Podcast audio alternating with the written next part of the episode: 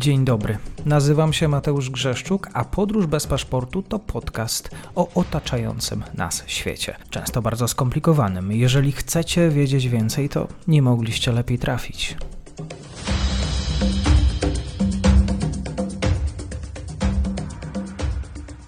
Dzień dobry Państwu, dzień dobry wszystkim słuchaczom. Dzisiaj rozmawiamy o sytuacji w Bliskim Wschodzie. Na Bliskim Wschodzie Paweł Rakowski po drugiej stronie, kłaniam się. Dzień dobry, witam Państwa. Izrael, Liban, Syria to jest e, ten temat, ten region, na który dzisiaj zwracamy szczególną uwagę. Starcia prawdopodobnie będą trwać na granicy Izraela co najmniej do końca lutego. E, granicy Izraela, Libanu i Syrii, tak się mówi, że cały czas na pewno daleko jest, jeżeli chodzi o, e, o spokój na tej granicy, północnej granicy Izraela. Tak, niestety, jak się nam rozpoczęło wojna w sumie, ta, ta w formie regionalnej 8 października, to ona nie chce się wygasić, nie chce się ugasić um, i ona jest niezwykle poważna, ona jest bardzo poważna, bo jeżeli patrząc na strefę gazy w chwili obecnej, no to oczywiście mamy e, także Izrael kontroluje większość strefy gazy, że zostają tak właściwie jeszcze jakieś tam skrawki, czy to Han Yunis, czy, czy mniejszych lub, lub większych e, miejsc. No, można powiedzieć, że można powiedzieć, że wojna w strefie gazy po prostu dochodzi już do końca. Tak e, ten, te odcinki, które się zaczęły wraz z gazą, no niestety raczej najprawdopodobniej się nie zakończą wraz z gazą. I to jest po prostu te, te tematy, te konflikty będą żyły własnym życiem patrząc z perspektywy historycznej, to aż się łapie za głowę, jak długo to może trwać. Tylko przypomnę, że pierwsze starcie pomiędzy Hezbollahem a Izraelem trwało 18 lat, więc e, tutaj oni naprawdę mają zupełnie inny e, rozrzut czasowy. E, no, z drugiej strony też ten, ten okres ciszy pomiędzy Hezbollahem a Izraelem trwał kolejne 17 lat. Tak więc, tak więc tutaj wiemy o tym, że zakończył się etap spokoju, rozpoczął się okres niepokoju. On jest niezwykle ważny, ponieważ e, ta wojna udowadnia to, że ten front, który my patrzymy przez mapę administracyjną, on się rozciąga poprzez realne oddziaływanie Iranu na, na region i to Iran tutaj jest tym sterującym e, główne, e, główne ośrodki, które, które tak jak w przypadku tego incydentu w Jordanii, który jest niezwykle poważny, no tutaj liczymy się z tym, że e, jeśli chodzi o Liban, ale i też i Syrię, e, to też e, prędzej czy później jednak Władimir Putin tutaj się odezwie. Władimir Putin już od dłuższego czasu, od lat wygrażał, że doposaży Hezbollah, e, czy to systemami przeciw, czy przeciwlotniczymi, czy przeciwrakietowymi, względne to jest, e, co może wyposażyć. Ważne jest to, że e, ten sprzęt, który by trafił do Libanu za pośrednictwem e, przez Syrię, no jednak by skomplikował sytuację nie tylko pod względem militarnym, ale przede wszystkim pod względem politycznym. Na chwilę obecną mamy e, taką sytuację, że Hezbollah kontynuuje swoją kampanię ostrzałów izraelskiego pogranicza, czy to infrastruktury e, szpiegowskiej, czy to infrastruktury e, wojskowej, nawet i cywilnej. Tutaj istotne jest to, że oczywiście te nagrania czasem często, te nagrania z tych ataków często trafiają do opinii publicznej. E, to jest e, bardzo ważny punkt, jeśli chodzi o, o kwestię wojny, wojny propagandowej, wojny psychologicznej. E, Izrael też poluje na szyitów. Widzimy, jest taka doktryna, którą Izrael narzucił, to, że skoro Izrael jest niepokojony po swojej stronie granicy, to Hezbollah, który spokojnie nie, nie, nie może być e, w, w, w, południowym Libanie. E, szacuje się, że już jest prawie 180 Hezbollahowców ubitych gdzieś w różnych atakach, czy to dronów, czy, czy lotnictwa izraelskiego. Wiemy też o tym, że Irańska Gwardia Rewolucyjna może pociągać za, spust, bez, e, za, za spust bezpośrednio z terytorium Libanu. Tak więc, tak więc tutaj mamy za każdym razem coraz większe zapętlenie się realiów e, tego konfliktu. Zanim przejdę do omówienia może takiego szerszego tła mhm. geograficznego czy też politycznego, muszę powiedzieć dwa zdania, jeśli chodzi o politykę wewnętrzną w Libanie.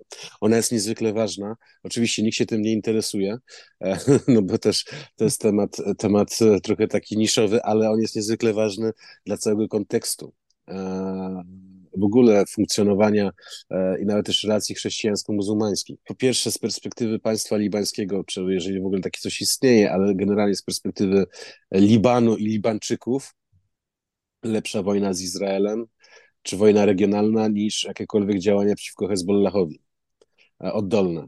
to, to, to tym samym sposobem, to co Izrael apeluje od od lat bezskutecznie, no niejako władze w Bejrucie tak właśnie nie, nie, nie tylko mają związane ręce z, z realiami, ale też, też po prostu idą, idą na stanowisko ba, bardzo proste, że nie iść na konflikt wewnętrzny z Hezbollahem, to, że wojna, ognista wojna pomiędzy Izraelem i Hezbollahem to najprawdopodobniej by trwała kilka tygodni, Natomiast wojna regionalna może kilka miesięcy, natomiast wojna domowa to już by była tak jak widzimy w Syrii, prawda, czy tak jak już mieliśmy doświadczenie w Libanie, to to można by było liczyć dekadami. Tak więc, tak więc to jest jedno stanowisko, dla, e, dlaczego, e, dlaczego tak właśnie rozmawianie z Bejrutem jest bez sensu i też dlaczego Libańczycy, chociaż protest, chociaż co przeciwko temu, co się dzieje, to nie protestują. To też musimy to uwzględnić. Ja na początku wojny strasznie się e, tym irytowałem, natomiast, no, natomiast no, rozumiem ich sytuację. Druga rzecz jest e, taka, że patriarchat maronicki zabrał bardzo stanowczy głos przeciwko temu, co robi Hezbollah. Generalnie ośrodki medialne, jak i też propagandowe, które mają do, do dyspozycji szyici, obrzucają błotem samego patriarchę Bashara Butros-Rai, jak i też w ogóle zwolenników różnych organizacji, które, które, które, które tak właściwie otwarcie mówią przeciwko, przeciwko udziałowi szyitów w tej wojnie. To jest o tyle istotne, znaczy ja odwołam się do tego, co było kilka tygodni temu, mianowicie okres bożonarodzeniowy. W tym roku, w tym roku de facto nie było tak jakoś e, pozytywnie na tym odcinku chrześcijańsko-muzułmańskim. Przypomnę tylko, że na Dżafie w Iraku, w, w mieście szyickim, prawie w większości szyickim, władze zakazały wystawiania choinek e, chrześcijanom, jak i też uroczystości chrześcijańskich e, związanych z Bożym Narodzeniem. E, tak samo też w Libanie doszło do bardzo takiej istotnej prowokacji, to znaczy w mieście Trypoli w północnym Libanie, w mieście zdominowanym przez sunnitów, przez alawitów, ale oczywiście z gminą chrześcijańską spalono trzy razy tą samą choinkę. E, wedle śledztwa Służby Bezpieczeństwa Libańskiej sprawcami tych, tych podpaleń byli, e, było trzech szyitów, zwolenników Hezbollahu. Czyli, czyli to była ewidentna prowokacja, to znaczy to, żeby nazwijmy to jakoś tutaj skłócić konfesyjnie mieszkańców. Jeszcze oczywiście to, żeby tam się na przykład sunnici z chrześcijanami jakoś się dalej e, skonfliktowali. Więc, więc, więc, więc to jest istotne w takim szerszym kontekście, że jednak wpływ, e, jednak to, co się dzieje w tej wojnie i e, jasne stanowisko elit chrześcijańskich przeciwko tej wojnie, tutaj akurat jest, ma dość duże działanie, ma bardzo duże działanie, jeśli chodzi o nastroje. Natomiast e, no, istotne, istotne jest to, że Izrael tak właściwie komunikuje, komunikuje, że prowadzona jest pewnego rodzaju gra. Mianowicie e, jest tak zwana rezolucja 1701, nawołująca do tego, żeby Hezbollah cofnął się spod granicy z Izraelem do rzeki Litani, czyli to jest rzeczka około 40 kilometrów od granicy z Izraelem. Zresztą Izrael kontrolował tereny do rzeki Litani wewnątrz Libanu do, do 2000 roku.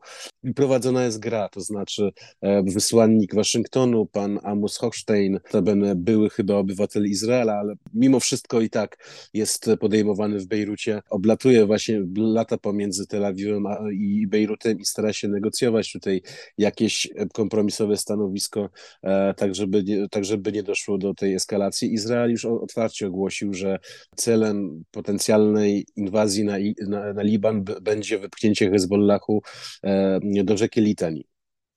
I no, czasami się pojawiają też bardziej takie, nazwijmy to, racjonalne no, określenia, że 7 kilometrów od granicy lub do rzeki Litani, czyli mówimy tutaj o, o dystansie 7 lub 40 kilometrów. Um, oczywiście z realnego punktu widzenia jest to bardzo, ale to bardzo trudne z tego względu, że po pierwsze um, miejscowości szyickie w południowym Libanie głównie tak złośliwe są ukierunkowane wzdłuż granicy z Izraelem. Tam są akurat w większości te, te, miasta i wioski e, szyickie. Tam, gdzie są szyici, tam jest i Hezbollah, więc, więc, więc nawet nie wiadomo, jak to by miało logistycznie wyglądać, te wycofanie się e, szyickiej organizacji.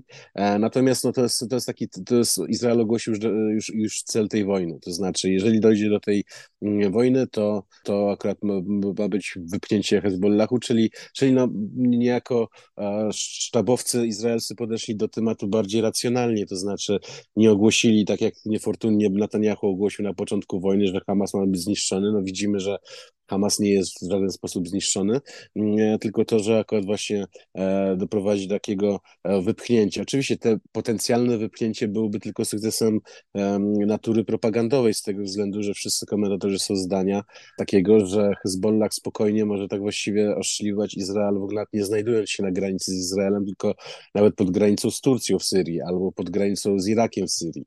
Tak więc, tak więc, tak więc no, tutaj, tutaj jest e, gra na prestiż w pewien sposób. Oczywiście stanowisko Hezbollahu w dalszym ciągu jest jednoznaczne, to znaczy Hassan Nasrallah zaprasza IDF do, do Libanu, tym bardziej, że e, e, Izrael niejako potwierdził, że jeżeli dojdzie do konfrontacji, no to ona będzie lądowa no to, to już to się spodziewajmy bardzo poważnych gongów pomiędzy, pomiędzy no naprawdę elitarnymi tutaj e, wojskowymi z obu, z, obu, z obu stron. To już nie będzie w żaden sposób Gaza. A Gaza no, chyba raczej nie spowodowała tego, co mogłaby spowodować, czyli nie, nie byłby to Stalingrad. Natomiast e, te takie największe matyczniki, te największe twierdze szyitów są lokowane 2, 3, 4 kilometry od granicy z Izraelem, czyli że Izrael tak właściwie też na dzień dobry by miał tutaj naprawdę bardzo, e, bardzo poważny i trudny teren, jak i też twierdze, które oczywiście są miastami albo, albo, albo wioskami, ale to wszystko zamienione jest twierdze. No i też warto, warto przypomnieć, że e, Izrael w 2006 roku niemiłosiernie się z tym męczył i tak właściwie w większości tych terenów nawet nie zajął. Więc, więc no, możemy się spodziewać tego, że, że, że tym razem może być podobnie, albo po prostu już e, skala tego wszystkiego będzie o wiele większa.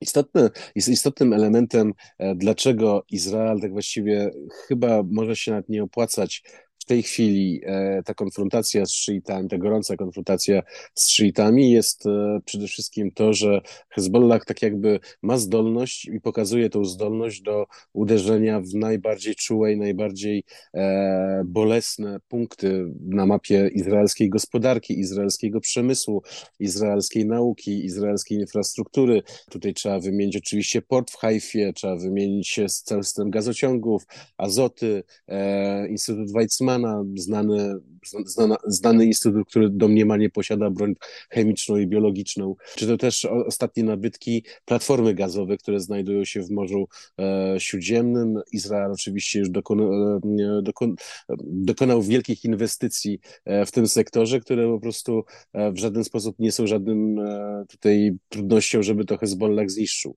To jest, to jest jedna rzecz, która to, tak właściwie powoduje to, że no ta, ta suma tych kosztów, która by, które, które mogłyby ponieść Izrael z tej konfrontacji, e, no mogłaby być nieopłacalna, bo ja tylko przypomnę, że po stronie libańskiej Liban tak właśnie jest tą strukturą nieistniejącą i poza ludźmi, zabytkami i przyrodą, no to nie ma nic takiego. Tam w Libanie jest tylko jedna elektrownia, ledwo co działająca. No i tak można po prostu wymieniać, czego tam nie ma, tak właśnie niczego tam nie ma. albo raczej, to, no, więc, więc, więc tutaj oczywiście ciężko by było nawet e, w jakiś sposób ukarać e, Hezbollah i szyitów za ich zuchwałość, tym bardziej, że no, tak, tak, tak powołana jest ta struktura, że e, wszystko, co zostanie zniszczone w sektorze, w sektorze Hezbollahu w Libanie, Iran odbuduje. To nie jest żaden problem. Tak więc, tak więc to, jest, to jest jedna rzecz. Kolejna rzecz jest taka, że coś Benjamin Netanyahu znajduje się nie tylko pod wielkim ciśnieniem zakładników, albo raczej rodzin zakładników, których dalej 140 Izraelczyków jest uprowadzonych w strefie gazy. Najprawdopodobniej Izrael będzie musiał tylko poprzez negocjacje wyciągnąć tych ludzi z niewoli, e, no ale jest też presja od 80 do 200 tysięcy Izraelczyków, którzy opuścili północ kraju. E, przypomnę, na początku wojny, trzeciego czy czwartego dnia, e, Izrael nakazał ewakuację E, tak właściwie 44 miejscowości e, z, z północnego Izraela, po to, żeby, po to, żeby tak jakby odsunąć od siebie ryzyko tego, że szyici zrobią to samo co Hamas 7 października czyli że zaatakują, uprowadzą, e, wymordują i że, że akurat będzie taka sytuacja no znowu po prostu bardzo bolesna, a jakby to zrobili szyici, to by było jeszcze boleśniejsze. Tak więc, tak więc tutaj akurat jest, znaczy jest ten problem. E, przypomnę, że jest zima to jest istotne, ponieważ, e, ponieważ w górach e, Libanu już jest śnieg, e, trudne warunki atmosferyczne. Oczywiście tutaj trzeba też od razu tutaj uwzględnić pewną rzecz, że dla ludzi mieszkających w tej części świata to, to, to są oczywiście poza górami Libanu to są, to, są, to są warunki wręcz szokujące, mm, chociażby dla Izraelczyków.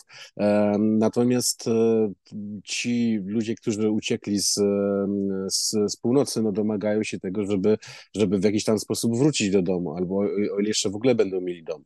Tak więc, to, tak więc no, ryzyko jest dość duże, czy podej- iść na zwarcie, które, które wcale nie, nie musi być sukcesem, czy, czy po prostu w jakiś tam sposób cierpliwie czekać, no bo raczej umówmy się, że, e, że Hezbollah w żaden sposób nie będzie respektował tej rezolucji 1701. Nasrallah zresztą przyznał, że skoro Izrael żadnej rezolucji nie respektuje, to on też nie będzie respektował.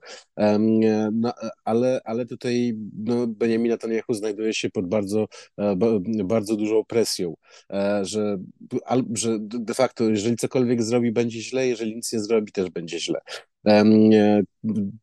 Kolejnym takim ważnym argumentem jest to, że chyba izraelskie społeczeństwo jest zmęczone tą wojną. Pomijam oczywiście kwestię gospodarki, to znaczy e, wedle różnych doniesień 200 e, tysięcy osób już, już, już zostało zwolnionych z pracy w Izraelu. W mediach pojawiają się już sytuacje takie, że, e, że rezerwiści wracają z gazy do domu i okazuje się, że już nie mają pracy, coś co akurat normalnie nie powinno się zdarzyć, ale po prostu się zdarza i, i system um, izraelskiej opieki społecznej tak właściwie no, w żaden sposób nie jest w stanie wpłynąć na pracodawców, szczególnie na małe przedsiębiorstwa, przedsiębiorstwa które od kilku miesięcy tak właściwie no, e, są, są, w, są w zamrożeniu. E, dlatego też e, oczywiście jeszcze jest kwestia zasadnicza, e, strach, e, bardzo duży strach, który, który, który ta wojna spowodowała e, dalej ciągnięcie się tej wojny, no i też to, że akurat jeżeli Hamas zawsze był tym takim um, jak i też w ogóle wszelkie inne nurty palestyńskie były bardzo takie jakby ignorowane, jak i też e, Izraelczycy bardzo arogancko podchodzili, no to jednak te, te projekty szyickie naprawdę no to, to, to, są, to są bardzo poważne sprawy, e, nie zawsze jakościowe, tak, tak bardzo jak chociażby Hezbollah, ale tego jest naprawdę bardzo dużo i to jest strasznie męczące i oni są bardzo, bardzo męczący, bardzo zdeterminowani i, i po prostu no, no, duża część izraelskiej opinii publicznej po prostu chce wrócić do, do normalnego życia. E, przypomnę tylko jedną rzecz, że e, uaktywniły się już aktywa po syryjskiej stronie wzgórz Golan. E, już pojawiają się drobne incydenty pod tytułem e, ostrzał rakietowy czy, czy ostrzał e, dronowy z reguły e, pustego, pustej przestrzeni, jaką, jest, jaką są wzgórza Golan, ale to pokazuje to, że mm, do Libanu tak właściwie no, chyba trzeba by było jeszcze doliczać tutaj Syrię jako, jako ten element zasadniczy. Zresztą z punktu widzenia szyitów, e, libańskich szyitów, e, konfrontacja z Izraelem na terytorium Syrii by była czymś idealnym wręcz, to znaczy, że nie byliby tak bardzo narażeni na krytykę libańskiej opinii publicznej, no a Syria jest taką, jest taką pustą enklawą. Tutaj poza tym kolejna rzecz niezwykle ważna, że jeżeli Izrael poszedł na to jest, bardzo mało, to jest bardzo mało prawdopodobne, ale na większą konfrontację to jednak by musiał tutaj zahaczać też um, obszary, obszary um, syryjskie. I, i przede wszystkim chodzi o to, że e, jest taki wyłom pomiędzy Jabal Amal, e, górami Jabal Amal w południowym Libanie, a jak i też Doliną Beka i górami Antyliban i tam akurat znajduje się mm, przejście graniczne Mazba pomiędzy Syrią i Libanem. I to jest akurat idealne przejście do, do tego, żeby lądowo e, wbić klin pomiędzy dwa, dwa, dwa główne ośrodki szyickiego Hezbollahu, no i też IRGC, czyli Irańskiej Gwardii Rewolucyjnej na tym terenie. To by oczywiście zapowiadało bardzo długą wojnę, e, coś co wydaje mi się chyba raczej nie ma, do, nie, ma woli do, do, jej prowadzenia. Oczywiście tutaj Benjamin Netanyahu najlepiej to by w, w sposób kontrolowany żarzył tą, tą, tą strefę gazy po to, żeby odraczać kwestie wyborów, odraczać inne kwestie rozliczeń przede wszystkim odnośnie tej wojny. Natomiast tutaj też trzeba niestety e, patrzeć szerzej, to znaczy e, relacje, e, jeszcze z, zresztą sam Hassan Nasrallah powiedział w pierwszej, pierwszej swojej pogadance, że istotą jest tutaj kwestia amerykańska i amerykańskiej obecności w regionie. Amerykanie w ciągu ostatnich kilku dni no, stali się tematem numer jeden, jeśli chodzi o obecność, znaczy jeśli chodzi o kwestie bliskowschodnie, to znaczy próba, jak i też debata publiczna, która zaczyna się odbywać w Stanach Zjednoczonych nad sensem utrzymywania posterunków e, amerykańskich w Syrii i w Iraku, no doprowadza tak właściwie do, do tego, że jednoznacznie i kategorycznie no może nam się bardzo Bliski Wschód zmienić. Jeżeli oczywiście Amerykanie stamtąd wyjdą i to Zatoka Perska będzie też musiała reagować, no i też to przede wszystkim pokaże Iranowi, że no, kampania, którą narzucił Ameryce w regionie po śmierci Kasema Sulejmaniego po czterech latach po prostu okaże się sukcesem. To nic dobrego nie wróży na odcinku izraelskim, ponieważ te, te, te dwa odcinki są ze sobą e, niejako bezpośrednio połączone. Dlatego też e, wydaje mi się, że e, w najbliższych tygodniach będziemy obserwowali coraz więcej aktywności, czy to politycznej, czy to dyplomatycznej, czy to nadwojskowej, to coś, co akurat jest niewykluczone właśnie na tutaj odcinek Irak, Iran, e, przepraszam, Irak, Syria, e, Jemen. E, natomiast co oczywiście odciąża trochę kwestie, kwestie libańskie, chociaż trzeba tutaj od razu sobie uczciwie powiedzieć, jeżeli Izrael zdecydowałby się na krok ten, czyli na uderzenie na południowy Liban, to uderzenie na południowy Liban automatycznie by oznaczało to, że e, na Izrael leciałyby też rakiety i drony z, e, z Iraku, Syrii i z Jemenu. Zresztą kilka dni temu irackie milicje, które dzisiaj mają pewien problem, ponieważ ten incydent z Amerykanami w Jordanii e, trochę ich to nie tak miało być najprawdopodobniej, no ale kilka dni temu ogłosiły, że uderzyły w port w Hajfie, w, w Hajfie, w północnym Izraelu oraz w, port, w okolice portu w Ashdod, w południowym Izraelu. Izrael tego nie komentuje, ale filmiki są i to te filmiki są niejako trochę potwierdzające. Znaczy w sensie nikt nie neguje tego, że rzeczywiście jakieś pożary w tych obszarach były. Tak więc, tak więc to oczywiście jest kolejnym takim elementem, e, elementem zasadniczym, że wojna z jednym aktywem irańskim automatycznie oznacza wojnę z każdym z tych, tych aktywów irańskich. Oczywiście na chwilę obecną jeszcze nie możemy tutaj zasadniczo czegokolwiek stwierdzić odnośnie Iranu, chociaż Iran e, no, zaczyna być coraz bardziej aktywny tutaj, jeżeli na początku wojny jednak Hossein Amir Abdullahian tutaj bawił się w takiego zewnętrznego rozgrywającego, to teraz mogę powiedzieć, że Irańczycy na tym boisku bliskowschodniej wojny już są obecni. Tak jest, bardzo dziękuję za komentarz, Paweł Rak. Dziękuję bardzo, do usłyszenia. Dziękuję serdecznie za odsłuchanie tej audycji. Zachęcam oczywiście do kliknięcia subskrybuj, obserwuj oraz wsparcia mojej pracy na serwisie Patronite. Do usłyszenia.